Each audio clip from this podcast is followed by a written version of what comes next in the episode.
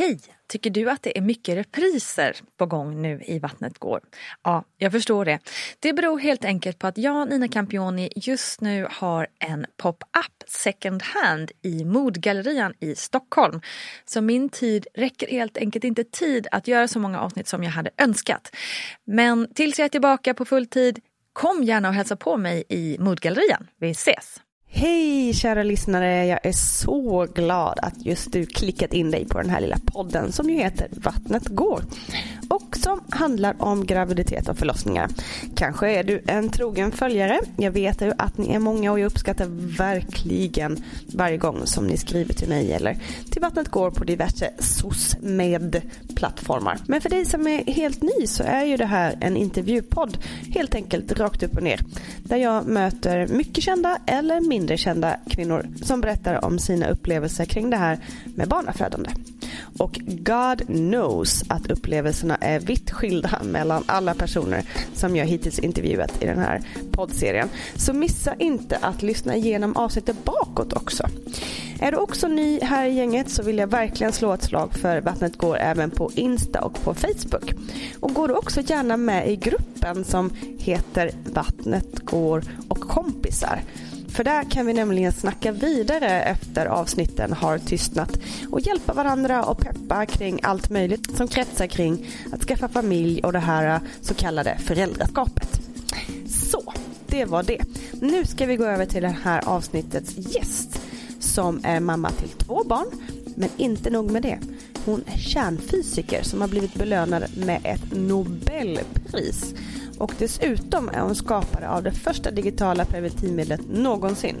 Jag talar såklart om Natural Cycles grundare och uppfinnare Elina Berglund. Och jag har varit nyfiken på den här kvinnan ända sedan jag hörde talas om att någon faktiskt har tagit fram en helt ny sorts preventivmedel. Det trodde man ju liksom inte var möjligt. Så nu blir det faktiskt en hel del snack om både det och entreprenörskap. Men också hur det är att vara gravid i Schweiz, att föda barn i USA och att bygga ett helt nytt företag samtidigt som man går igenom en ganska tuff tid med bebis. Det här blir spännande hörni, nu kör vi!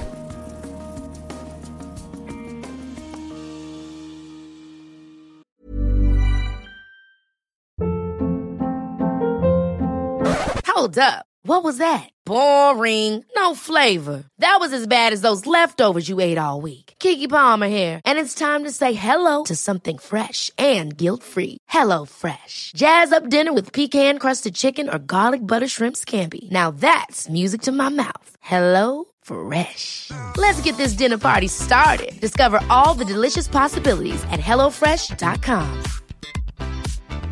Hey, it's Ryan Reynolds, and I'm here with Keith, co star of my upcoming film, If, only in theaters, May 17th. Do you want to tell people the big news?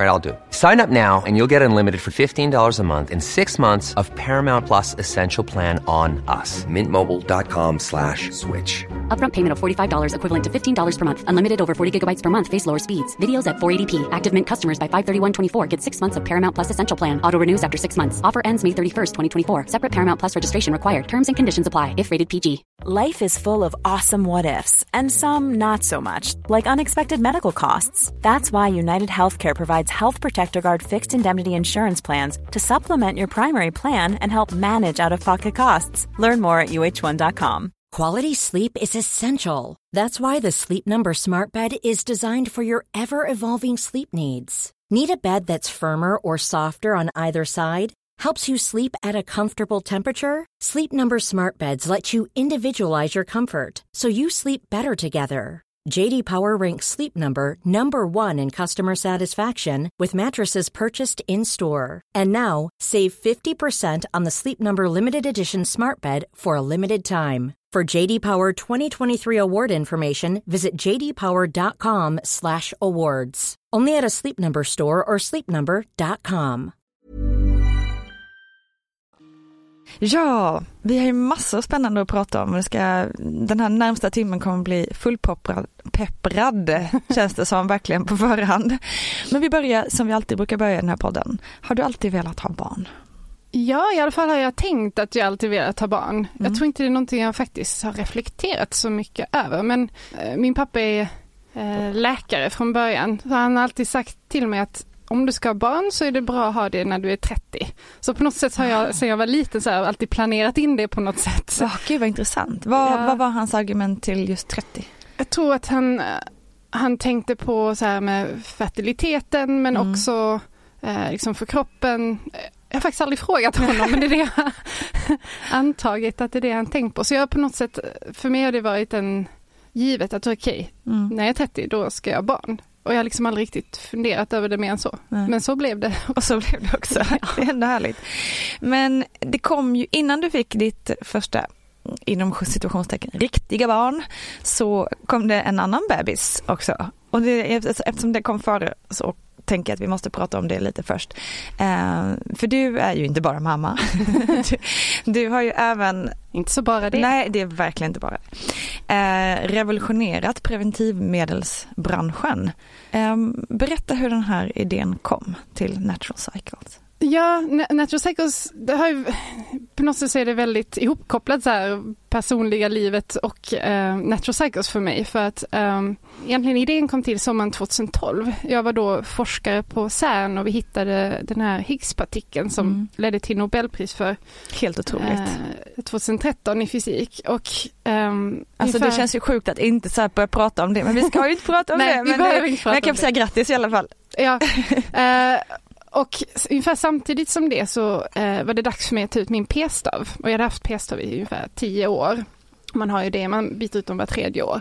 Tänkte okej om nu ska jag ha barn när jag är 30, för det, det var ju givet på något sätt. Och jag var 28. Då eh, har jag ingen lust att sätta in en ny. Det kan vara bättre att låta kroppen gå tillbaka, återgå till det normala innan det är dags att börja liksom, eh, bli gravid med alla hormoner och så. Så jag började kolla vad som fanns för alternativ. Hittade liksom inget bra alternativ för mig. Eh, Men jag upptäckte att eh, temperaturen ändras över menscykeln. Eh, Hur upptäckte du det? Eller? Genom att googla helt Ah, enkelt. okej. mm. Ehm, det hade jag ingen aning om.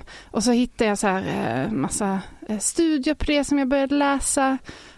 Och jag, i och med att jag är forskare så blev jag Mm. väldigt nyfiken. Jag är nyfiken av mig och förstå och lära mig. Jag tänkte men det här är ju fantastiskt. Då kan jag förstå när jag har ägglossning. Då kan jag förstå när jag är fertil. Mm. Då, då, då har jag liksom det här problemet löst. Ehm, så jag började då mäta min temperatur och skapa en, en algoritm för mig själv. Men ja, jag blev väldigt intresserad här ganska snabbt så jag visar min data för mina kollegor på CERN. Eh, och eh, några av mina eh, kvinnliga kollegor började också mäta sin temperatur och skickade till mig. Och så körde jag min algoritm på deras data. Och så använde vi det då som preventivmedel, jag skrev så här röd eller grön Mm, dag. mm. Vi hade Google Sheet där de skrev in temperaturen, jag skrev in röd eller grön dag beroende på vad min algoritm spottade ut. Och då eh, ganska snabbt så efter att Higgspartikeln hade hittats så började jag och min man fundera på vad, vad ska vi göra nu om vi inte ska fortsätta i fysiken. Och då föreslog han att vi skulle göra den här algoritmen till en app så att Mm. alla kvinnor och par kan eh, dra nytta av det. Så häftigt. Ja, utan att gå in för liksom för mycket tekniska frågor så blir man lite så alltså gjorde jag en algoritm och sen så. Bara, Okej. Vi har ju bara en timme. Men bara rent så här snabbt, hur, hur fan gör man en algoritm och hur svårt är det egentligen? Det låter, för mig låter det ju helt... Ja, nej, det, är det finns ju väldigt enkla algoritmer också men just den här kanske inte är jätteenkel för att det krävs ganska mycket statistisk kunskap och programmeringskunskap. Men det är exakt det jag hade lärt mig på CERN. För att, att hitta Higgspartikeln handlar väldigt mycket om att liksom analysera massa, massa data och, och Mm. ge, lägga på statistiska kriterier och förstå vad som är eh, bakgrundsbrus och vad som faktiskt är signal. Alltså, Mm. Så det, det använder jag då fast istället på kvinnors cykel Mm. och temperatur. Så otroligt häftigt. Ehm, men då i alla fall så kom ni fram till att det skulle bli en app. Eh, och han ni, nu ska vi se, jo ni hann ju göra den, in, skapa den innan du själv skulle försöka bli gravid. Ja, så, så vi använder min algoritm för att Ja. eh, undvika graviditet i ungefär ett och ett halvt år. Eh, först i formen av bara algoritm och sen också appen. Innan vi då bestämde oss att nu, nu är det dags. Mm. Och eh, då, eh, då var ju såklart oroliga för att folk skulle tänka att Natural Cycling inte fungerar om vi då blev gravida.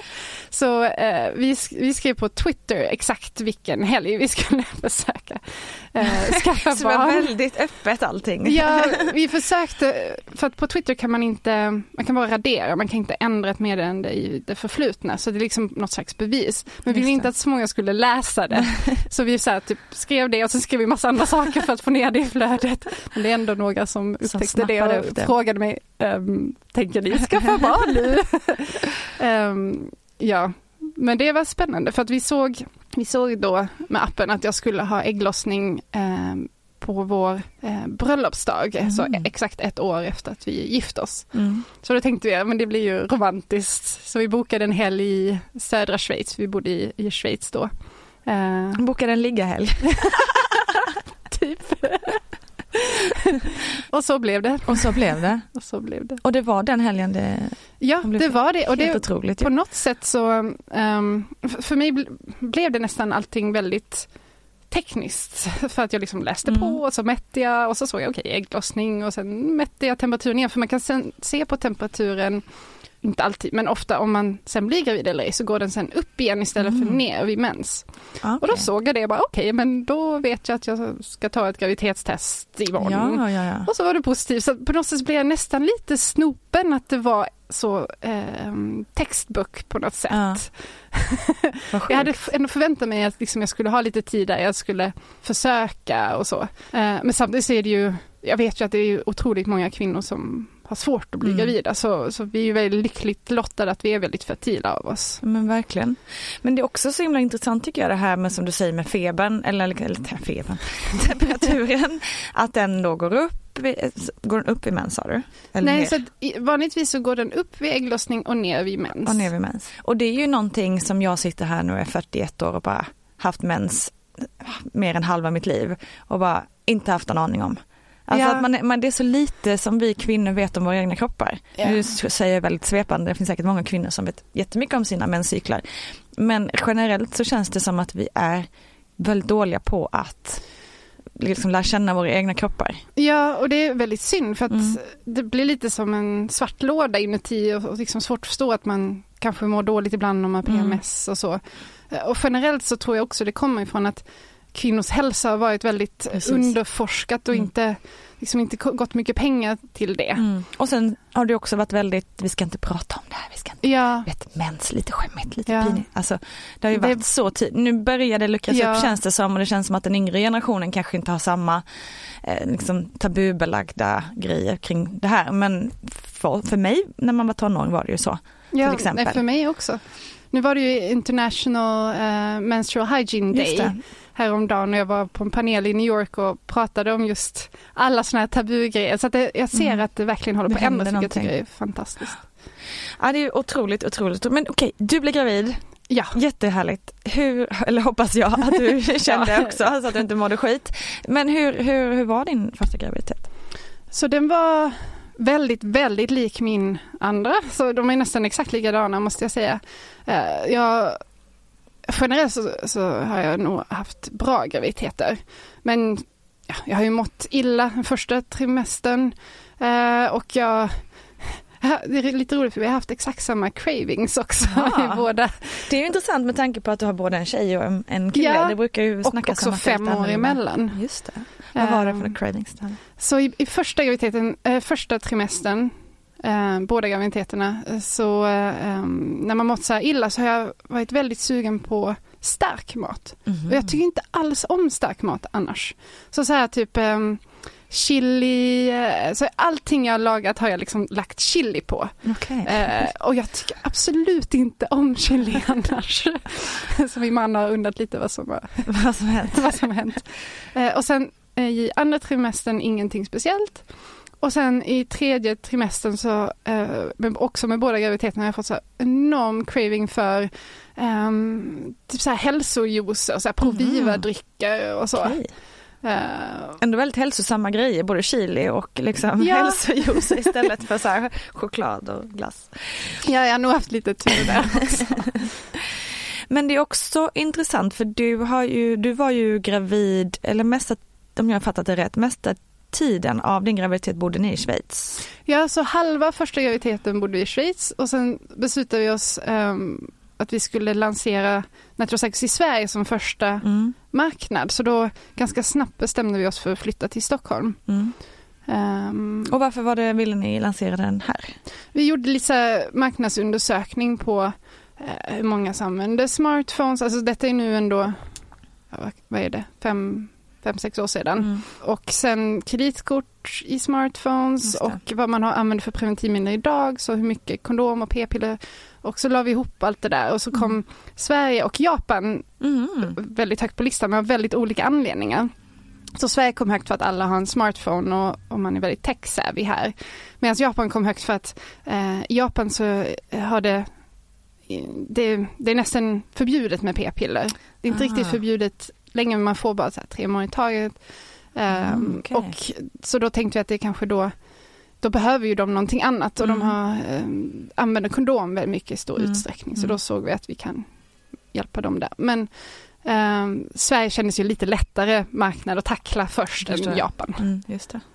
Men hur var det, kan du se några så skillnader eh, mellan Schweiz och Sverige när det gäller graviditet, alltså hur, vilka råd man får eller? Det är väldigt stor skillnad. Um, så jag började ju i Schweiz och där får man, uh, Schweiz och USA är mer lika nu när jag också haft en graviditet i USA. Mm. Att man får en läkare, en gynekolog som följer med en under hela graviditeten och också då uh, förlossningen. Mm. Nu hade jag ingen förlossning i Schweiz men um, och då om man har ganska mycket ultraljud så man kommer i början kanske var tredje vecka mm. och gör ultraljud varje gång och man mäter saker. Det är också väldigt, väldigt modernt i Schweiz och i USA. Um, så man, mycket utrustning, uh, det är nog väldigt dyrt för, uh, mm. med, för sin sjukvårdsförsäkring helt enkelt. För att, Sen kom jag till Sverige efter halva graviditeten och eh, då tog de fram det här måttbandet och mätte min mage. Jag bara, vad gör hon?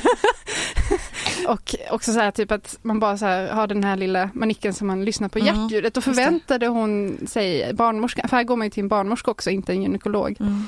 Hon förväntade sig att det skulle vara så här wow moment för att höra hjärtljudet. Men jag och min man, vi bara tittade på henne och bara, är det här allt?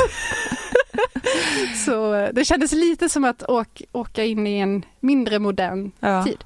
Men samtidigt om man tittar på, för det här är någonting jag funderat väldigt mycket på nu eh, jag kan komma mer till det sen, nu när jag också haft en eh, graviditet och förlossning i USA. För att i USA för, särskilt så kostar kostnaden per graviditetsförlossning är väldigt hög för mm. samhället. Men resultaten överlag är ganska låga om man mm. tittar på så här mödradödlighet. Och där kostnaden i Sverige är väldigt låga. Det kostar mm. inte så mycket det här måttbandet. Nej, precis. Eh, och man har ingen gynekolog heller. Men resultaten är väldigt bra. Mm. Så det är intressant det, är det där. intressant ja. Och jag har försökt klura på hur det kommer sig. Ja. Spännande. Du har fler grejer på din lista märker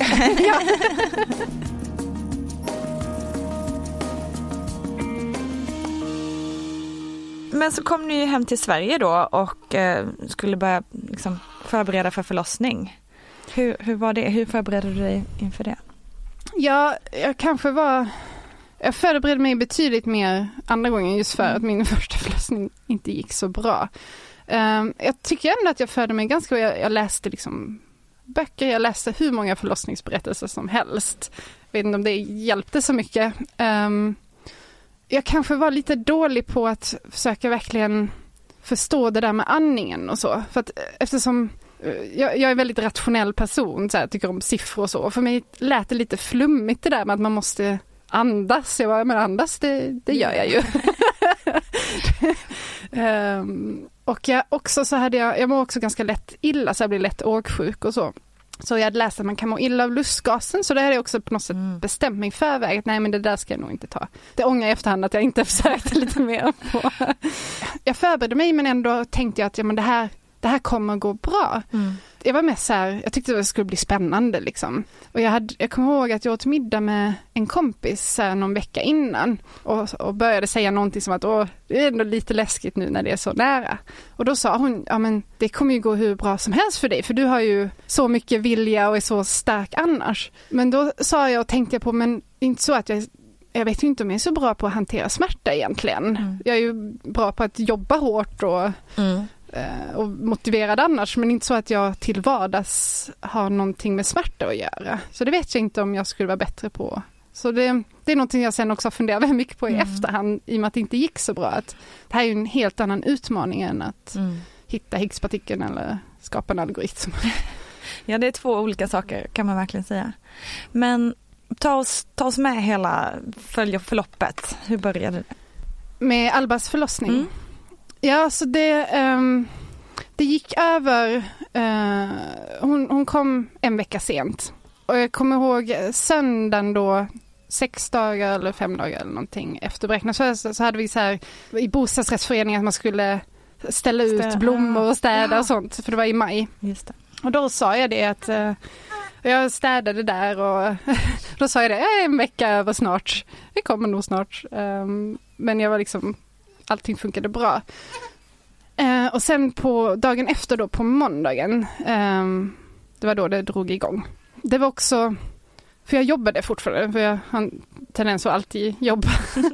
eh, och det var den enda dagen som jag faktiskt tog en tupplur Mm. eh, så här på eftermiddagen efter lunch. Och det är jag så här, i efterhand otroligt glad Ja. över att just den dagen tog jag en tupplur. Kroppen men- kände nog att den Ja. behövde. Jag kände på mig lite grann för att jag märkte att det började, ja, eh, jag hade lite spotting. Eh, så jag tänkte att okej, men någonting händer nog Mm. snart. Det är nog bra att sova lite. Ehm, och ehm, en sak som vi hade ju märkt att Alba var väldigt stor med det här måttbandet. Hon var alltid så här två, jag hade jättestor Okej, mage och hon, eh, med det här måttbandet så var hon alltid två hon var till och med över den här linjen där ingen ska vara över typ och jag frågade barnmorskan om det men inte det här lite konstigt att hon alltid ligger där över? Är det någonting att oroa sig för? Och då sa barnmorskan, nej det spelar ingen roll hur stor hon är. Det kommer ändå gå Mm. bra typ. Mhm. Men Som gjorde eh, inget så här, tillväxt, ultraljud och få kolla. Nej, det gjorde hon inte. Eh, det gjorde de inte. Och också i slutet så såg hon att hon fortfarande inte var fixerad. Um, och det var också någonting som, det ringde lite varningsklockor i mitt bakhuvud. Um, att okej, eh, hon är inte fixerad. Det lät ju inte jättebra. Jag vet, visste inte riktigt vad det innebar. Och då sa eh, uh, barnmorskan också att om vattnet går så måste jag ringa in till uh, förlossningen för då det kan ju hända då att navelsträngen kommer i kläm eller Mm. någonting sånt. Okej, jag oroade mig inte jättemycket för det. Men jag tänkte... Så var det för båda mina barn också. Ah, okej. Har du också väldigt stora barn? Nej, de var faktiskt inte alls speciellt stora. Men just med att de inte var fixerade och Okej. den grejen. Mm. Intressant. Och också, eh, så innan det här då, kanske en, två veckor innan så hade jag haft så här förverkar ungefär kanske var femte minut. Eh, gjorde inte jätteont men de kunde vara ganska intensiva över 50 minut. Och då kände jag nästan alltid att det tryckte mot mitt vänstra höftben. Mm. Så jag funderade lite då, okej, borde inte trycka neråt istället. Mm. Eh, men jag var fortfarande liksom inte orolig. Ehm, men då på måndagen då så började det komma mer och mer grejer. Jag visste inte riktigt vad det var så jag ringde in och sa liksom att okej, jag- min barnmorska sa att jag skulle ringa in om vattnet går. Det kommer någonting nu, jag vet inte riktigt vad det är. Så fick jag komma in och de mätte de här verkarna på CTG, såg att jag hade verkar. Han eh, undersökte mig och eh, sa att jag inte var öppnade den men att det var väldigt mjukt, livmodertappen var väldigt mjuk. Eh, men han sa att det, det blir nog inget barn idag i alla fall. Okej, fine. Eh, vi åkte hem, det här var ganska sent på eftermiddagen. Och sen kom vi hem på kvällen och åt middag. Och då började jag känna att det börjar bli lite mer och mer intensivt. De här förveckorna blev liksom mer och mer starkare på något sätt. Och det hade jag läst att när det gör ont i ryggen, det är då det är riktiga verkar. Och förverkar är mer typ att man känner det i magen. Mm. Så det började då framåt åtta på kvällen känna då att det blev intensivare, började göra mer ont i ryggen. Och det sa jag till min man också, han bara okej. Okay. tror inte riktigt han lyssnade så mycket på mig vad det innebär. Eh, och sen typ vid tio så gick vi och la oss, men då, då började jag ha verkar var tredje, varannan minut och att de Mm. började göra ganska rejält ont i Mm. ryggen. Och jag sa det till min man och han bara okej, och så började han somna och snarka. Jag bara all right.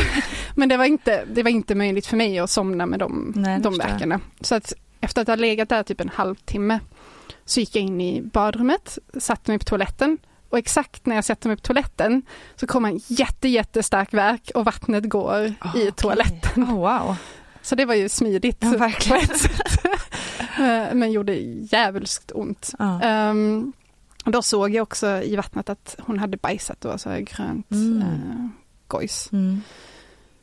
Ehm, så jag, sen hängde jag nog i toalett eller på badrummet själv i kanske två timmar eller någonting. Men jag hade så här verkar varannan minut som var intensiva men hanterbara. Men Så- du ringde inte in då? Nej, och jag Ja, hade fortfarande inte väckt min man. men så tänkte jag, okej nu, nu är det nog dags att väcka Raoul i alla fall. Mm. Så jag gick in till honom och det, det är nu, nog en av de här få momenten som jag tyckte om i den här förlossningen var när jag gick in och väckte honom. För jag gav honom en kram och så sa jag att vi, eh, vår dotter kommer komma idag. Eh, så Mm, det är liksom fint. någonting som, Mm. som vi båda tyckte var ett mysigt moment. Och sen kom han och höll mig i sällskap i badrummet och jag duschade. Vi hade inget badkar då. Eh, och ehm, jag satt där i duschen i, ja, jag tror i kanske två timmar och, och Raoul tajmade mina verkar. Och de eh, kom exakt varannan minut och de var eh, intensiva, gjorde ont men han var hanterbara. Eh, och en sak som jag gjorde varje verk som sen när jag skulle förbereda mig för andra förlossningen tänkte att ja, men det kanske var det här som gjorde att allting blev fel. Var att jag spände mig ganska mycket vid varje verk. Det var så jag på något sätt hanterade den. Mm. Att jag liksom spände mig. Kämpade emot dem lite? Ja, för jag hade inte riktigt förstått. eh, Nu har jag läst alla de här böckerna att eh, föda etc. Mm. Eh, Och har förstått att det är viktigt att slappna av för att det är då man öppnar sig. Så Mm. att det, är liksom, det var någonting som jag, när jag planerade förlossningen med eh, Elio, var liksom någonting jag tänkte att ja, men den här gången, då ska jag slappna av. Mm. Men jag var, ändå, jag var vid gott mod eh, och tänkte att det här går ju galant. Och jag hade ju också läst så mycket om att okej, eh, när man har verkar varannan minut, det är då egentligen man ska ringa in. Men jag, men jag skulle vara så här extra duktig flicka, stanna hemma extra länge. Mm. För jag tänkte att okej, när jag kommer komma in, då kommer jag vara åtta centimeter öppen och, Och jag kommer vara bäst. säga att du är så jäkla duktig. Ja, precis. Det var så jag kände. Mm. Så jag var väldigt gott mod. Och jag- Raoul var ganska stressad. Bara, men nu, nu ringer vi in, nu ringer vi in. Jag bara, nej, vi väntar lite till. Eh, och sen, jag tror det var två på natten. Eh, då ringde vi in till BB Sofia som fanns då. Mm. Och, Det är eh, också fett. Ja, och vi eh, fick komma in för det var, jag tror det var ganska tomt och lugnt och skönt där då. Så jag slapp det hela den här stressen, vart ska jag åka? Ehm, det var ju skönt. Mm. Verkligen. Så vi tog en taxi in, fick några verkar i taxin. Ringde också min mamma klockan två på natten för hon, hon var väldigt envis om att vad klockan är så ville hon att jag skulle ringa. Okej. Eh, det sa jag den här gången att den här gången tänker jag inte ringa. Raoul får ringa. Jag tänker inte ringa min mamma mitt i det här. Och sen kom jag in och jag kommer ihåg liksom att jag liksom gick ur taxi, tog en verk mot väggen, gick in i receptionen, tog en verk mot väggen. Liksom, Mm. Men kände ändå att det här går bra. Kom in på ett rum eh, och så undersöker de mig. Och så är jag bara två centimeter öppen. Och där på något sätt så försvann all min Mm. motivation och jag Mm. fick eh, lite av en ångestattack liksom och började gråta för jag tänkte att Mm. men om det, om det är så här, för jag hade ju liksom skitonda verkar varannan Ja. minut hela tiden. Mm. Så tänkte jag okej, ingen duktig flicka, jag är Nej. inte bäst på det här, hur ska det här gå? Mm. Men de ändå lugnade ner mig och sa men det är inte, det är normalt. Men sen så på något vis så envisades hon med att sätta så akupunktur på mig, vilket Mhm. jag sa att jag inte ville. För också så här, jag, Vad som gjorde det fastän du inte ville? jag på något sätt så blev jag lite övertalad där. Mm. Och det stressade mig otroligt mycket. För att liksom nålar i ansiktet på händerna samtidigt som de satte in de här kanylerna. Ja, Mm. nej, det, på något sätt så blev min ångestattack mycket värre Mm. där. Jag blev jättestressad över att ha de här nålarna. Och jag bad dem ta ur dem men så glömde de ändå några nålar och så på något sätt så blev det liksom lite panik där Ja. i rummet. Också för att jag, jag kände liksom att jag inte kunde andas, jag fick så andas i en påse. Och jag kände att det var så många som pillade på mig, så här, Mm. barnmorskan, undersköterskan. Ah, jag, jag förlorade mitt lugn där. Mm. Och sen så fick jag bada Mm. och eh, det var någon gång som barnmorskan gick iväg och ingenting mot henne. Men på något sätt så, så kunde inte jag, jag behövde liksom ha lite mer mitt space. Så hon gick iväg och istället kom Raoul nära mig och då för första gången där lyckas jag slappna av igen Mm. och liksom ha en till sån här mer lugn moment. Mm. För jag såg att det liksom började bli ljust ute. Mm. Och det var i maj och eh, vi hade flyttat till Sverige. Jag bara, oh wow, det är ljust Mm. ute redan. Och det- det var ett till moment som faktiskt var positivt för mig. När ingen annan var där, det var jag och Raoul, jag låg i badet Mm. och det började bli ljust ute. Hjälpte badet tyckte du mot värkarna? Alltså? Jag tyckte duschen hjälpte hemma. Mm. Men där var jag så stressad så att jag vet inte om det riktigt hjälpte där. Jag hade, kunde liksom inte riktigt släppa, alltså ta det lugnt. Och sen efter, jag vet inte riktigt hur länge jag låg i badet. Jag tror att jag låg där kanske en timme. Mm. Sen sa jag nej, nu, nu vill jag ha epidural. Mm.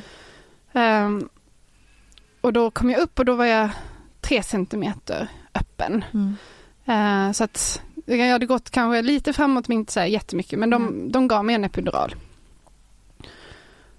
Och det blev också ganska mycket strul med den här eh, epiduralen. De hit, jag skulle ju få en sån här slang till någon grej där man kunde trycka och ge lite Just hela det. tiden. Mm. De hittade ingen slang som var lång nog. Ehm, så de sa okej vi, vi ger dig då en stor dos och sen om en timme eller två får ni en stor dos igen. För det håller typ en timme eller två. Mm. Bara, All right. Ehm, och sen så gav de en epidural, den funkade. Och då, ja, det, det gjorde ju betydligt mindre ont. Och då Mm. frågade den här barnmorskan, okej om jag kan fråga 1 till 10 hur ont det gjorde innan, jag antar att det var en 10.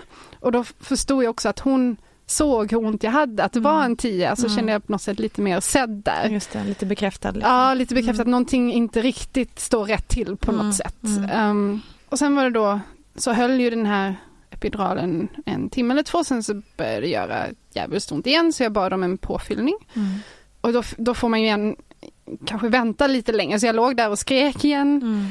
Och sen fyllde de på och på något sätt så hjälpte inte den här gången. Och sen tog det kanske en timme innan de insåg att det hade runnit ut. Den hade liksom fallit ur på något sätt den här Jaha. epiduralgrejen. Så de fick, de fick sätta om den. Och den här gången tejpade de fast en massa ställen så jag var, hela ryggen var tejpad. Men det kan vara bra för då satt den kvar Mm. efter det. Och sen så liksom så upprepade det här scenariet att liksom de gav mig en stor dos epidural och så en timme senare ligger jag och skriker och så får jag vänta en timme sen får jag det igen. Okej. Mm. Ehm, och så öppnar jag mig inte alls. Mm. Jag, jag tror att jag... Ja, jag kom ju en, in klockan två på natten. Kanske fick epidural vid tre, halv fyra. Och sen, ja när klockan var då hur många timmar senare som helst kändes som, men alltså eftermiddag nästa dag så var jag fortfarande bara så här fyra, fem centimeter öppen. Åh, gud, sim- kämpigt alltså. Ja, och jag fick, till slut hade jag ju tre pass med olika Mm. barnmorskor, eller fyra till och med, Mm. Som var väldigt olika men eh, det kändes liksom konstigt att de kom och de gick och här sitter jag och jag Mm. har samma problem på Mm. något sätt. Så när det blev, började närma sig lite mer på eftermiddagen så kom också en läkare in och vi började prata om att kanske bli kejsarsnitt. Mm. Och jag hade, jag var väldigt rädd för kejsarsnitt. Kejsarsnitt var absolut ingenting jag ville ha. Jag vet faktiskt inte riktigt varför jag varit så rädd för kejsarsnitt, men jag har aldrig haft liksom en operation eller så. På något sätt tänkte jag att kejsarsnitt var så här, man skär upp allting, Mm. alla muskler. Det, Mm. det gör man inte, inser jag nu. Eh, jag vill inte ha kejsarsnitt. Ehm, så jag, de lät mig liksom kämpa på lite till. Och då kom ett nytt pass med barnmorskor som sa, okej men nu, nu jäklar, nu får vi någonting att hända. Eh, så den här nya barnmorskan, hon hade lite mer energi på något sätt, så hon fick mig liksom att hoppa omkring, studsa på den här bollen, eh, Mm. ja. Och långsamt, långsamt så, så öppnade jag mig eh, mer och mer. Eh, Men de gav aldrig någon så här verkstimulerande medel som skulle Jo, liksom pusha på? det Ja, fick gjorde jag hela också. tiden. Så Ah, jag okej. tror att jag fick så flera påsar det. av verkstimulerande Ja, fasiken alltså. medel in i mig. Mm. Och jag hade ju hela tiden verkar varannan minut. Det är på Mm. något sätt klockan på min Mm. livmoder. Att Mm. Varannan minut verkar så, Mm. och verkstimulerande medel på det. Och Alba var hela tiden okej, så att Mm. hennes hjärtljud och så var alltid starka. Jag fick Mm. alltid en känsla att hon, hon var starkast utav oss på Mm. något sätt. Känner jag nästan fortfarande. så det var aldrig någon fara med henne. Jag tror också det är därför de lät mig liksom kämpa på. Mm. Och till slut då, eh, när jag var till slut då framåt kanske tio på kvällen tror jag, var jag 10 centimeter öppen. Så nästan ett dygn efter Ja. jag kommit in. Eh, och då då var hennes huvud fortfarande lika högt. Mm. Så hon liksom inte kommit ner alls. Nej. Eh, så då ehm, kom det in en läkare som, och det här var nog den värsta delen av förlossningen för mig, var när den här läkaren försökte dra liksom, livmodertappen är ju typ, den är inte kvar, men liksom vad, vad som än är där runt huvudet, runt hennes huvud. För att nu i efterhand så vet jag att hon hade ju, hon har ju 13 centimeters huvud, inte 10. Hon är, Shit, jag var stor. Ja, så både Elios och Albas huvuden har varit så här tre standardvikelse över. Så det är typ en på tusen som har så stora huvuden när de föds. Mm. Så att det, det räcker ju inte med Men så de, hon försöker liksom med, med händerna dra Öppna. runt, få ut liksom huvudet ur livmodertappen. Mm. Ehm, och då, det Gud. gjorde så jävligt ont. Ah. Så jag bara skrek eh, som tusan. Men Fy, det låter fruktansvärt alltså. Ja, jag vet inte riktigt om, om det lyckades eller ej, men till slut så, eh, typ vid midnatt så sa de att okej nu, eh, jag, jag började skrika efter kejsarsnitt, för det här, Mm. nu hade jag liksom, det hade Mm. gått för långt för mig. Mm. Och då kom läkaren in och sa att ja, men just nu så är det en annan tjej som ska ha kejsarsnitt, så du kan inte få kejsarsnitt nu. Vi testar sugklocka. Mm. Och då, ehm, då sa de till mig att jag kan få börja krysta, även om hon, hennes huvud fortfarande var högt. Och då äntligen fick jag göra någonting. Så för Mm. mig var det verkligen, eh, okej, nu. Eh, så jag började krysta. Och då, från den här tiden så kände jag att det här slutet på förlossningen faktiskt tyckte jag, inte tyckte om, men jag tyckte inte att det var någonting som jag hellre skulle dö än att Nej, gå igenom igen, om du förstår vad jag menar. Det hände något i alla fall. Liksom. Jag, jag fick liksom göra någonting Mm. efter det här dygnet av att inte kunna göra någonting. Mm. Jag krystade men det kanske inte hände så mycket så att det blev sugklocka ändå. Eh, och då gick det ändå ganska snabbt så att hela den här kryssningsfasen, jag kände ju fortfarande inga krystvärkar dock för att hon Nej, tryckte okej. inte ner på, Ja, ja, ja. Så du fick liksom frammana dem själv? Liksom. ja, men det hade jag ingenting Mm. emot direkt. Men för kryss, jag tror krystvärkan kommer när den trycker bak Mm. mot, alltså längre ner, men Mm. huvudet var ju inte där nere så att det kom inga krystvärkar. Men Mm. Jag krystade ändå och tillsammans med sugklockan så, ehm, så fick de ut henne ganska snabbt. Det tog bara 25 minuter hela den här Okej. delen. Och trots att eh, hon hade så eh, otroligt stort huvud så, så brast jag bara grad 2. Okej. Vilket jag skulle säga är, är bra. Däremot så förlorade jag två liter blod. Oj. Mm. Eh, och det är någonting som jag läst i efterhand är risken om man har väldigt stora barn att man kan förlora mycket blod. Mm. Eh, och det var någonting de såg eh, i min journal nu i, i USA också. De har två liter blod. Okej, vi måste försöka förstå vad som händer med din första förlossning så det inte Mm. händer igen. Mm. Ja, eh, och det var också någonting som var väldigt konstigt för att jag, jag, hade, ju, jag hade ju känt att jag ville dö där Mm. på slutet. Så att när Alba då äntligen kom ut och de la upp henne på mitt bröst och sa grattis så kände jag, vadå grattis? Det här var inte okej. Nej. Jag, jag, jag kände liksom inte alls att, att, det var, att, att jag skulle kunna ta åt mig det här barnet nu. Samtidigt så mådde jag väldigt illa så jag kräktes och då sa jag okej jag vill inte kräkas på henne. Raoul du får ta henne.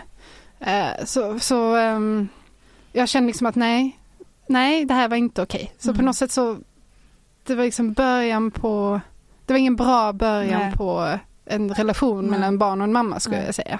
Känner igen mig 100% i det. Hur, hur, hur lång tid, eller hur var första liksom, delen av ditt mammaskap, som man säger?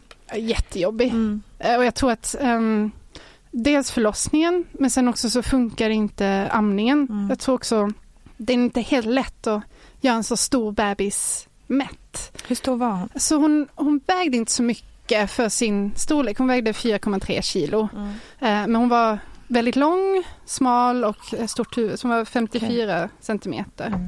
Så att hon, hon gick ner för mycket i vikt och fick börja amma och ge ersättning och, och då ganska snabbt så tror jag Alba insåg att ersättningen den, den var bättre.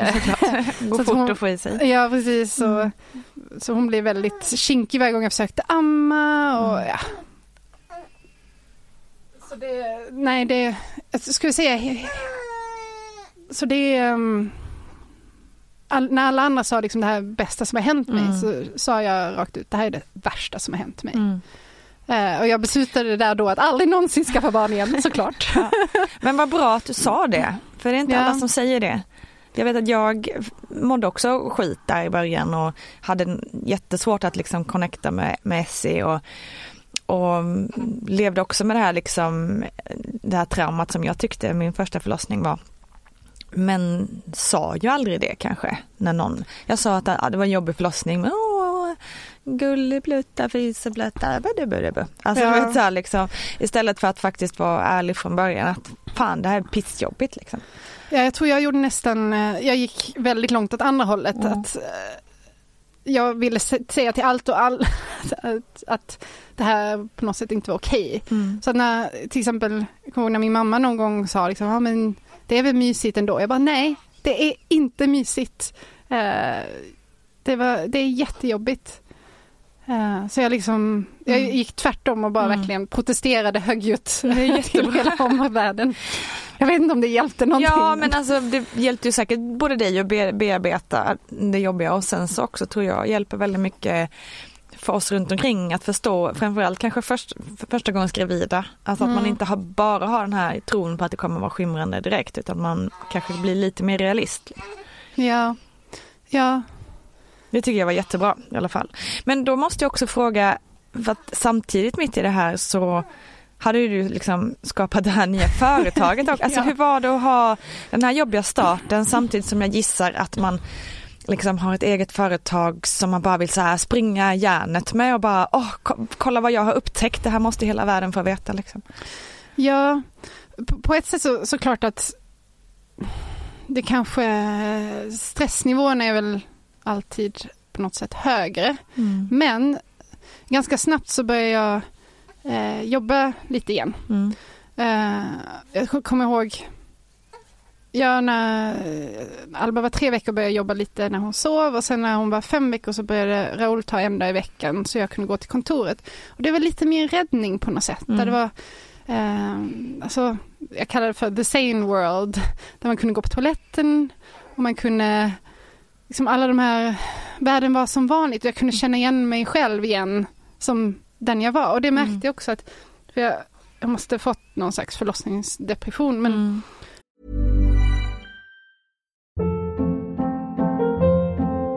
Hold up. What was that? Boring. No flavor. That was as bad as those leftovers you ate all week. Kiki Palmer here, and it's time to say hello to something fresh and guilt-free. Hello Fresh. Jazz up dinner with pecan-crusted chicken or garlic butter shrimp scampi. Now that's music to my mouth. Hello Fresh. Let's get this dinner party started. Discover all the delicious possibilities at hellofresh.com. Since 2013, Bombas has donated over 100 million socks, underwear, and t-shirts to those facing homelessness. If we counted those on air, this ad would last over 1,157 days. But if we counted the time it takes to make a donation possible, it would take just a few clicks. Because every time you make a purchase, Bombas donates an item to someone who needs it. Go to bombas.com slash ACAST and use code ACAST for 20% off your first purchase. That's bombas.com slash ACAST, code ACAST. Life is full of what ifs. Some awesome, like what if AI could fold your laundry? And some, well, less awesome, like what if you have unexpected medical costs? United Healthcare can help get you covered with Health Protector Guard fixed indemnity insurance plans. They supplement your primary plan to help you manage out of pocket costs. No deductibles, no enrollment periods, and especially no more what ifs. Visit uh1.com to find the Health Protector Guard plan for you. Quality sleep is essential. That's why the Sleep Number Smart Bed is designed for your ever evolving sleep needs. Need a bed that's firmer or softer on either side? Helps you sleep at a comfortable temperature? Sleep Number Smart Beds let you individualize your comfort so you sleep better together. JD Power ranks Sleep Number number 1 in customer satisfaction with mattresses purchased in-store. And now, save 50% on the Sleep Number limited edition Smart Bed for a limited time. For JD Power 2023 award information, visit jdpower.com/awards. Only at a Sleep Number store or sleepnumber.com. Hey, it's Ryan Reynolds, and I'm here with Keith, co star of my upcoming film, If, only in theaters, May 17th. Do you want to tell people the big news? All right, I'll do. it. Sign up now and you'll get unlimited for $15 a month in six months of Paramount Plus Essential Plan on us. Mintmobile.com slash switch. Upfront payment of $45 equivalent to $15 per month. Unlimited over 40 gigabytes per month. Face lower speeds. Videos at 480p. Active Mint customers by 531.24 get six months of Paramount Plus Essential Plan. Auto renews after six months. Offer ends May 31st, 2024. Separate Paramount Plus registration required. Terms and conditions apply if rated PG. Fick du eh. någon hjälp med, det, med dina tankar efter? Nej, jag fick inte det. Uh, och det jag läste, uh, där är jag nog inte lika bra på att protestera högljutt måste jag säga. För varje gång jag gick till uh, mödravårdscentralen. mödravårdscentralen, när hon frågar hur är det så bara automatiskt säger jag bra. Mm. Och den här tre månaders checken man ska få fick inte jag. Så här, där man faktiskt får svara på frågor mer exakt mm. hur man mår. På något sätt fick jag inte den. Mm. Men vid åtta månader så, så sa jag det. Mm. Då sa jag, nej men jag har inte alls mått bra. Jag har väldigt så här, konstiga, dåliga tankar. Väldigt mycket ångest över att hon ska dö. Jag trodde mm. hela tiden att hon skulle dö. Mm. Och eh, då fick jag prata med en kurator där på mödravårdscentralen. Men det var ingen positiv eh, händelse heller för att jag så här stålsatte mig in och sa nu ska jag berätta allt. Så jag satte mig där i en timme och berättade allt. Och efter här timmen sa hon okej, okay, vill du komma tillbaka igen? Och bara bläddrade i sin kalender.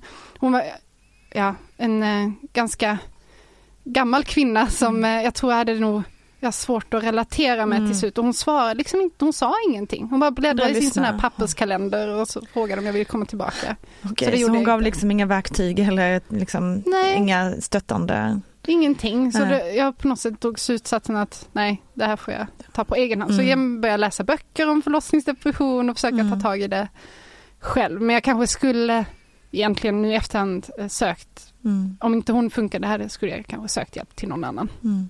Men det gjorde jag inte. Men efter ett år ungefär så, så blev det bättre. Men fortfarande, och så är vi nu med en helt annan upplevelse med honom, mm. så ser jag ju att det är fortfarande en del av mig som är lite rädd för Alba på något sätt. Mm. Jag är rädd att hon ska bli eh, arg och ledsen och skrika. Jag är rädd på något sätt att hon, att hon ska göra mig illa. Det är konstigt, för hon är ju ett litet barn. Mm. Men det är som att kroppen kommer ihåg. Mm. Uh, och det är ju det är inget bra sätt att börja. Jag förstår precis.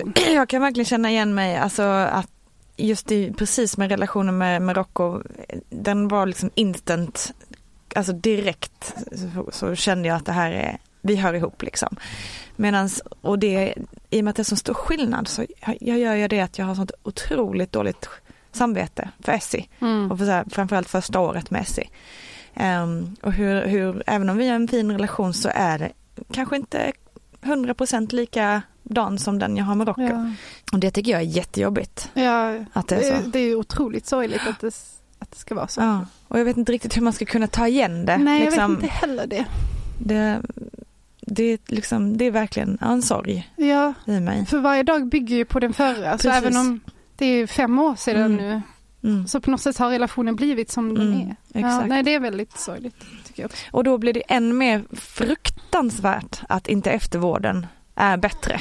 Eh, ja. För, först, för det är ju oftast i alla fall, även om det såklart kan ske traumatiska saker även vid andra och tredje och fjärde förlossningen så är, är det ju ändå oftast under första graviditeten och förlossningen som som man blir chockad och vad är det här att vara mamma? Att liksom, och helt plötsligt, åh oh, herregud nu har jag det här och nu blir man liksom just de här eh, liksom tankarna. Ja, och också någonting som jag, eh, jag tror att jag hela tiden bara, för det är lite så är, stålsatte mig och kämpade igenom för jag tänkte att det här kommer vara över snart. Snart mm. kommer jag må bra. Mm. Hade jag vetat att nej men det kommer ta ett år, mm. då kanske jag hade gått till botten med det mer. Precis. Snarare tänka, ja men lite till mm. så är jag ute mm. ur det. Mm.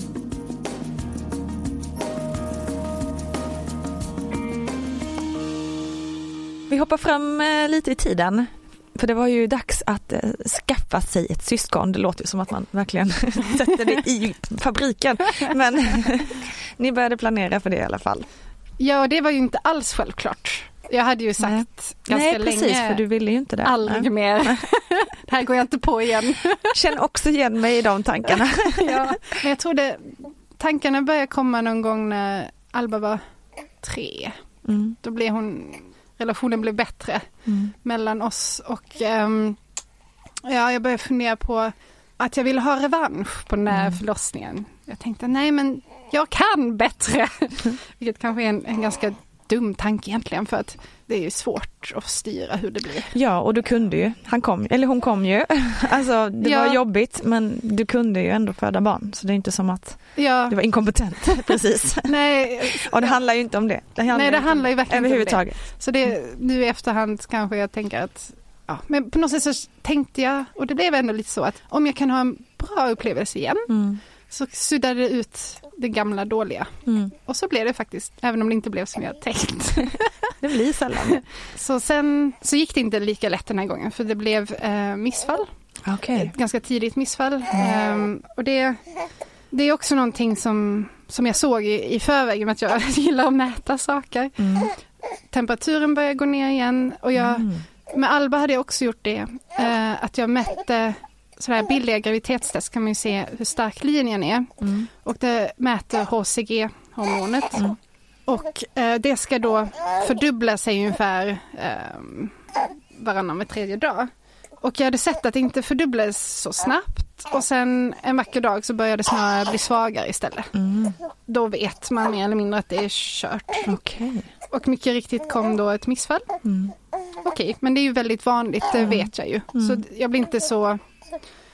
det- I och med att det var, det var i vecka sex eller någonting så jag kände att okej, det, det är okej. Det, kan inte, det ska inte vara så enkelt för mig. Någonting, någonting måste ju hända. Och sen eh, mens igen och sen cykeln efter det blev vi gravida igen.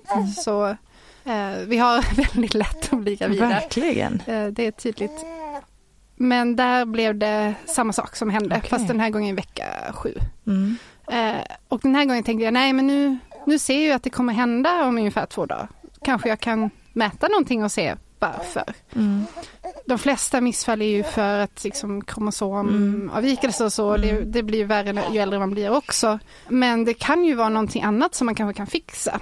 En sak som jag hade tänkt på var att efter Alba så blev min, eh, det kallas för lutealfas i tiden mellan ägglossning och mens, blivit kortare. Mm. Och det kan vara att progesteronet i kroppen då inte är lika högt och det krävs för att det kan krävas eh, extra progesteron för att kunna behålla barnet. Mhm. Det, det kan vara så och det är ganska lätt åtgärd. Man köper, man köper progesteron. Det finns Okej. eh, kräm och det finns tabletter. Mm. Så det, ja. Jag funderar på vad, vad kan man se? Mm. Så jag, jag ringde, eh, jag kommer ihåg jag satt i bilen på väg till jobbet och ringde eh, 1177 och sa okej, jag ser att jag kommer ha ett missfall om två dagar, vad kan jag göra? Var ska jag gå? och hon, hon började faktiskt skratta åt mig. Hon skrattade och sa, lilla vän, du är lite i förväg här, sa hon. Vi, eh, blöder du? sa hon. Nej, jag blöder inte.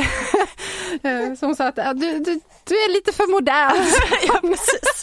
Lite för modern för oss här på 1177. Ja, så hon, skrattade faktiskt Wow. åt mig. Eh, så jag tänkte okej, 1177, ingen hit. Eh, tänkte men jag kan ju ändå, jag kan ju ändå gå till en gynekolog. Det kan man ju göra om man vill. Mm. Så jag hittade en gynekolog. Så jag gick till den här gynekologen och förklarade samma sak. Det första var att hon inte trodde på mig att jag visste när jag hade haft ägglossning och därför visste exakt vilken vecka jag var i. Så hon tog fram det här hjulet där man tar från sista mensen och jag bara okej fine. Så då sa jag då en fel dag när jag hade sista mens så att det skulle matcha när jag hade ägglossning. så att hon ändå drog samma vecka till slutsats. det. Smart. Överlistade. Ja, men hon, ja, hon var inte särskilt tillmötesgående heller utan hon bara sa lilla vän, jag tror att du ska, du tänker för mycket på det här, gör någonting annat, skaffa en hobby. Eh, Jag bara, men jag en jobbar hobby. väldigt mycket, jag, Jag behöver ingen missfall om hobby. två dagar, jag behöver ingen hobby. Ja, jag, bara, jag, jag har också tagit tid från mig från kontoret komma hit. Ja. Så, hon trodde inte på mig heller att jag skulle missfall om två dagar. Hon sa liksom, boka en tid eh, om några veckor så kan vi se vad som finns då. Jag bara, men okej, om jag nu får missfall om två dagar, ska jag ändå komma tillbaka om några veckor? Och det vägrade hon svara på för att jag skulle ju inte få missfall om Nej, två dagar. Och jag fick ju missfall om två dagar såklart. Ehm, och jag gick inte tillbaka till den här gynekologen. Alltså, ja, man blir mållös både av att du liksom verkligen kunde veta, eller, alltså, jag förstår ju rent vetenskapligt är att du inte, kunde veta. Det är men inte det känns, rocket science nej. till slut. Det är bara det att um, Men att de inte ville lyssna på dig med tanke på också den bakgrund du har. Alltså att, Ja, det vågar jag inte säga. jag vågar inte säga att Nej, jag håller okej. på med natural science. För jag tänkte då kommer hon definitivt inte är det så, har du, har du mött sånt motstånd hos barnmorskor? Ja, väldigt mycket motstånd eh, tyvärr. Så jag vågar inte säga det, men jag tänkte att hon kanske kände igen mig. Det är möjligt. Mm. Du fick du missfall igen. Hur kändes det då, andra missfallet? Ja, nu kändes det lite jobbigare på något sätt, för jag tänkte okej, tänk så är någonting verkligen fel Mm. och det är inte um, de flesta missfall, eh, eller de flesta kvinnor som har flertalet missfall hittar de inte varför. Mm. Och det, det var en väldigt jobbig tanke för mig som alltid vill veta Mm. varför och fixa vad det nu än är. Och, och nu när jag äntligen hade bestämt mig för att bli gravid och Alba jag kände jag blev äldre för varje dag som gick. eh, tänkte jag, aha, ska det nu inte gå vägen? Så jag, eh, jag började ta progesteron i lutealfasen för att förlänga för- med progesteron. Eh, en annan sak som jag gjorde var att ta så här blodförtunnande, för det kan, också, det kan hända att det är för att ehm, ja, att det blir liksom clots. Och ehm, jag gjorde så här blodtest för att mäta alla mina eh, värden, så här järn, zink, Mm. eh, koppar, bara ifall det är någonting som är off. Jag var lite låg på zink. Mm. Då tog jag zinktabletter. Alltså Mm. det skadar ju Mm. inte. Mm. Eh, Man kan ju, jag vet inte om något av det här hjälpte. Men Nej. det skadar inte i alla fall.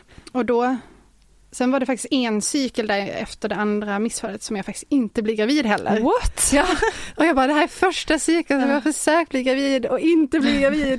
Tänkte jag nej nu, nu går det ju helt åt fel Ja. håll. Eh, så det tyckte jag också var väldigt jobbigt såklart. Mm. Eh, men den, sen cykeln efter det så, så blev vi gravida igen och det var Elio. Och det var Elio. Eh, I och med att du blev gravid med Elio så sammanföll det också med att det var dags att lansera Natural Cycles i USA. Ja, Så då flyttade ni dit. ja, jag var i vecka nio när jag flyttade, så här, eh, piken på illamåendet. Hur var det? I USA så, så är det lite också mer som i Schweiz, att de, de mäter typ allt. Alltså Mm. de gör nästan för mycket, i alla fall Mm. om man har eh, försäkring, man måste Mm. ha försäkring. Mm. Så det sa jag när vi skulle flytta till USA, jag visste att att eh, jag var gravid, jag bara inte utan sjukförsäkring. De vill ju att man ska komma hela tiden och göra ultraljud hela tiden, mäta Mm. blodtester hela tiden. Eh, Så det var väldigt intressant att se. Och jag tror, ja, det får mig att bli så här väldigt intresserad över att kanske någon gång i framtiden gräva ner mig i det där och försöka förstå, även om man har väldigt kompetent personal och läkare och man mäter allting, hur resultatet sen kan faktiskt Mm. bli sämre. Jag tror att en del är för att det görs mycket mer kejsarsnitt i USA där mödradödligheten är högre Mm. än vaginal förlossning. Och eh, också det här systemet med sjukförsäkring, att man, om man inte har sjukförsäkring Mm. då, då kanske man inte alls får någon vård. Och, så att det är väldigt olika där. Mm. Ja, graviditeten var väldigt lik Mm. som jag nämnde med Alba, Mm. vilket jag tyckte var, var lite roligt att det var liksom exakt samma. Och också med storleken, jag märkte Mm. igen ganska snabbt att, eh, särskilt nu när man eh, faktiskt mäter eh, tillväxt hela Mm. tiden. Och varje gång var det liksom en ny ultraljudssjuksköterska, eller vad man säger, Mm. som sa ehm, har någon sagt till dig att du har väldigt stort barn? eller typ, har du barn sen innan? Var hon stor? jag bara, ja. Så jag Men hur, visste men liksom hur kände du där i och med att det var, liksom, det var så jobbig första förlossning och att hon var stor? Och, Så jag var väldigt ehm, bestämd att jag skulle få min revansch. mm. Och jag hade på något sätt satt med någon slags mental gräns att upp till 4,5 kilo klarar jag av. Det var liksom min mentala gräns på något sätt. Mm. Vilket kanske är lite löjligt. Men... Och jag läste på mycket mer och jag liksom hade skrivit en hel strategi till mig själv. Att den här gången ska jag slappna av i verkarna, det kommer göra skillnad, då kommer jag öppna mig. Mm. Och också liksom vara beredd på den här smärtan på något annat sätt än vad jag var. Så jag hade liksom några så här punkter som jag tänkte jag skulle göra annorlunda och därför skulle det bli bättre. Plus Mm. att det faktiskt också är andra barnet, vilket jag hade läst på exakt så här statistik, hur mycket snabbare det i genomsnitt skulle gå. Mm. Så det var min inställning. Eh, jag var så, såklart mer ödmjuk den här gången till att det kan gå hur som helst. Mm. Ganska rädd för det den här gången men ändå, ändå igen tyckte jag att det skulle bli spännande. så där hade jag inte bättrat mig. så när det började närma sig skickade de mig på remiss till sjukhuset och mäta ännu närmare exakt hur stor han är. För han var väldigt, väldigt stor. Mm. Det var tydligt att han var större än Alba Okej. till Mm. och med. Så det var ju inte jättebra och jag läste på vad är guidelinesen i USA för det här. Och deras guidelines är att de ändå föredrar vaginalförlossning upp till 5 kilo Mm. och efter 5 kilo um, kejsarsnitt. Och så tänkte jag, okej, men han, det ser ut att han ändå blir under 5 kilo. Så började jag Mm. tumma lite på den här 4,5 eh, gränsen. Precis som med Alba så ganska en hel del veckor innan så började jag ha ganska regelbundna förverkar, så typ var 50 minut. De gjorde inte jätteont men de var hela tiden där. Mm. Och mot slutet så kom man in och, och mäter nästan hela tiden. CTG och så, en till två gånger i veckan de senaste Jaha. veckorna. Mm. Ultraljud, CTG och då såg de ju mina verkar, Mm. att jag hela tiden hade verkar och de började fundera och de bad då min journal från första Mm. förlossningen och även om det var på svenska så gick de igenom allting. Eh, och de såg ju då så här två liter blod, inte bra. Och de såg att hennes huvud var så högt till slutet att liksom hon inte kom ner, Mm. inte bra. Mm. Okej, så, men de sa ändå ingenting till mig vad, vad borde strategin vara här? För det hade jag egentligen velat diskutera med dem. Om det går så här så gör vi så, om det blir så här så blir det kejsarsnitt etc. Mm. Men det fortsatte och då, eh, så onsdagen då det var tio dagar till beräknad eh, förlossningsdag. Och så tänkte jag så här, han, Alba gick ju över en vecka så det var jag väldigt rädd för att han skulle gå över för då skulle han ju bli enorm. Mm. eh, men tio dagar innan så var jag där och då såg han att jag hade då verkar varannan minut. Inte jätteintensiva men hela tiden där. Ehm, och då frågade han, och då sa han så här, ja just det, också har jag bytt läkare så min läkare var fullbokad för att jag började gå så ofta. Så jag fick en annan gynekolog, en, en härlig, väldigt rakt på sak rysk man. han var verkligen så här, baby will come today. Jag bara, Okej. Nej, det tror jag inte, sa jag. För när han var så rak på sak kunde jag vara lika rak på Just sak det. tillbaka. Så det funkade väldigt bra mellan Mm. oss måste jag säga. Bara, nej, det kommer han inte göra, sa jag. För jag har haft de här verkarna nu länge. Han var okej, eh, för att han kände också att jag var en centimeter öppen. Mm. Så frågade han om jag ville ha en hinsvepning. För han ville liksom att barnet skulle komma ut, för han såg hur Mm. Också den onsdagen så mätte han till 4,6 kilo. Okej. Och det var ändå tio dagar innan Mm, beräknad födelse. Och då gjorde han en hinsvepning och sa till mig att eh, gå ut och gå. Jag bara okej, jag, jag har möte, men jag har möte i Midtown och jag var i Brooklyn. Så tänkte okej, jag jag går till den här tunnelbanan och sen går från den tunnelbanan. Då, då är jag ute och går. Mm. Så efter den här hinsvepningen då eh, ringde Raoul och sa ja, doktorn tror att bebisen kommer att komma ut idag, men det tror inte jag. Och på något sätt så, ville jag på något sätt att jag skulle vara rätt bara för att jag vill ha rätt. eh, vilket kanske är lite korkat. Men eh, så jag, efter den här hinsvepningen då så började jag känna att de här verkarna börjar bli ganska rejält intensiva. Jag började känna det i ryggen också. Så jag satt där på tunnelbanan och klockade mina verkar varannan minut. Det var otroligt trångt på tunnelbanan, så jag satt så inklämd mellan två personer. Eh, Alltså, som- det är ju helt otroligt, jag bara ser bilden framför mig. Du sitter på tunnelbanan i New York och klockar verkar. ja, och jag, jag tänkte om han ser min app nu och ser att jag verkar varannan minut, han som sitter bredvid, Ja. vad tänker han då? Eh, men det är alltid trångt på tunnelbanan i New York så folk tittar liksom inte, märker inte av varandra så jag tror inte han såg mina verkar. Så jag hade mitt möte och jag liksom eh, messade Raoul och han började bli nervös. Ska jag komma hem? Jag bara, nej, jag är inte ens hemma själv. Eh, Men jag åkte då till slut hem. Men sen på natten så lugnade det ner sig. Så jag hade rätt, det blev ingen bebis. rätt. Yes! Och så ringde då eh, min nya doktor mig nästa dag. Alltså han ringde upp mig och sa, vad hände liksom? Och då eh, sa jag, nej det lugnade ner sig, jag har fortfarande de här verkarna men de är inte lika intensiva längre. Och så hade min härliga slempropp gått. men inte mer med det. Han bara okej. Och så var han lite tyst, liksom jag kände att någonting inte riktigt var rätt. Och då sa han att om ditt vatten går, gå direkt till sjukhuset. För att hans huvud är så högt upp Mm. så att det är farligt om vattnet går. Mm. Okej. Det var liksom samma som Mm. barnmorskan sagt med Alba men betydligt mer Hårdare, starkt. Den här ja. hårda liksom Mm. och mer förklarade att detta är faktiskt farligt. Mm. All right. Men ändå fortfarande ganska lugn liksom. Mm. Så jag går till läkaren. Han mäter mina verkar varannan minut och eh, han mäter eh, att bebisens huvud går igen mot mitt vänstra höftben. Precis som jag kände att Alba hade gjort. Mm. Och inte alls är på väg neråt mot förlossningskanalen. Och att min cervix, alltså livmodertappen fortfarande är jättehög och bara en centimeter Mm. öppen. Så han sa, okej, det blir kejsarsnitt Mm. idag. Eh, och jag bara, måste jag? jag vill inte ha kejsarsnitt. Han, jag bara, kan jag inte bli inducerad is- istället? Eh, han bara, nej, detta är farligt. Eh, jag har sett det flera gånger hända. Vattnet går, navelsträngen kommer i kläm, bebisen dör. Mm. Och jag bara, okej, då Ja. tar vi kejsarsnitt. Alltså när man säger det så tydligt Ja. så finns ju inte så många alternativ. Mm. Och där måste jag säga att det gick fantastiskt bra. Mm. Det var verkligen utöver någon förväntan. Nu hade jag i sig väldigt låga förväntningar på kejsarsnitt men det jobbigaste delen var att sätta in epiduralen. Mm. De hittade inte riktigt rätt. Det tog 20 minuter, det gjorde ganska ont. Men det hade jag ju behövt göra ändå. Mm. Så att ehm, det gick otroligt bra. Jag, liksom, jag bad Raoul prata med mig hela tiden.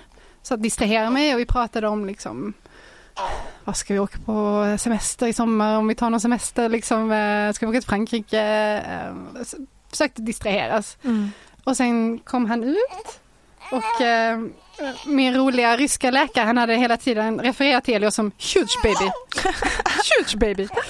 Eh, och så kom han ut och så mätte de honom och även om han född en vecka tidigare istället för en vecka senare så var han exakt lika stor som Alba. Och då sa eh, Dr. Goncharov, not huge baby, but big baby. Ja, big baby. Och sen lägger de bebisen vid kinden. Mm. Så man får liksom kända kind mot kind mot bebisen. Och jag, Mm, jag hade ju inte läst på så mycket om kejsarsnitt för det skulle jag absolut inte ha. Just det. Så alla de här sakerna var ganska oväntade för mig. Mm. Men väldigt positivt överraskad. Mm. Och de säger ju också alltid att det tar längre tid att återhämta sig från ett kejsarsnitt än en vaginal förlossning. Mm. Men jag mådde ju så mycket Mm. bättre, också fysiskt. Mm. Gud vad skönt. Ja, så jag efter två, tre veckor så gick jag ju runda, så här, sju kilometer runda i parken med Mm. honom. Också den här gången har jag bestämt mig för att inte amma. Mm. Vilket också är en sån grej man får dåligt samvete för. Även om jag vet att för, för mig och Mm. med min huge baby så blir det bättre. Ja. Men det är ändå någonting som man vet liksom, Mm. Statistiskt är bättre Mm. och sådär. Eh, Men jag, nej, jag hade bestämt mig för att Mm. inte amma. Så han var ju mätt och nöjd, hade inte haft en jättejobbig förlossning. Så även om han låter gnällig nu så, så har han varit en väldigt god, Mm. är han väldigt jättegod bebis. Känner du att du fick revansch även fast det inte blev en vaginal? Ja, jag känner det. Härligt. För jag, jag var också så här rädd att den här baby bluesen Mm. skulle komma och sen skulle Mm. jag aldrig ta mig ur den. Mm. Men klart jag kände mig kanske lite mer emotionell men jag kände mig så otroligt lycklig. Mm. Så verkligen istället för att bli sorgsen så Mm. blev jag lycklig. Fantastiskt. Tack så mycket för att du ville vara med. Tack för att jag fick vara med. Stort tack Elina Berglund för att du vill vara med och dela din resa med oss. Tack också till er kära lyssnare som hänger med den här lilla podden och mig. Det är jag så otroligt tacksam för ska ni veta. Hörni, vi ses på sociala medier från och med nu. Kram hej!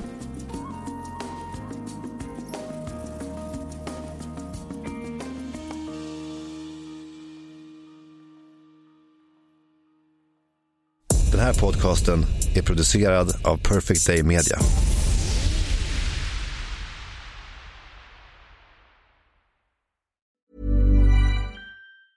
Ever catch yourself eating the same flavorless dinner three days in a row? Dreaming of something better? Well, HelloFresh is your guilt-free dream come true, baby. It's me, Gigi Palmer. Let's wake up those taste buds with hot, juicy pecan-crusted chicken or garlic butter shrimp scampi. Mm. Hello Fresh. Stop dreaming of all the delicious possibilities and dig in at HelloFresh.com. Let's get this dinner party started.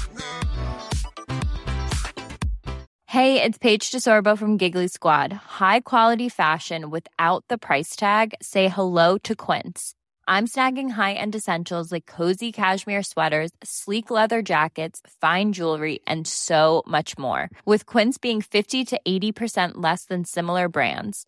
And they partner with factories that prioritize safe, ethical, and responsible manufacturing. I love that. Luxury quality within reach. Go to quince.com slash style to get free shipping and 365 day returns on your next order. Quince.com slash style. Imagine the softest sheets you've ever felt. Now imagine them getting even softer over time. That's what you'll feel with Bowl and Branch's organic cotton sheets. In a recent customer survey, 96% replied that Bowl and Branch sheets get softer with every wash. Start getting your best night's sleep in these sheets that get softer and softer for years to come. Try their sheets with a 30-night guarantee. Plus, get 15% off your first order at bowlandbranch.com. Code BUTTERY. Exclusions apply. See site for details. Hi, I'm Daniel, founder of Pretty Litter. Cats and cat owners deserve better than any old-fashioned litter. That's why I teamed up with scientists and veterinarians to create Pretty Litter.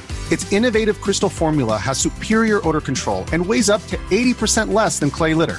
Pretty Litter even monitors health by changing colors to help detect early signs of potential illness. It's the world's smartest kitty litter.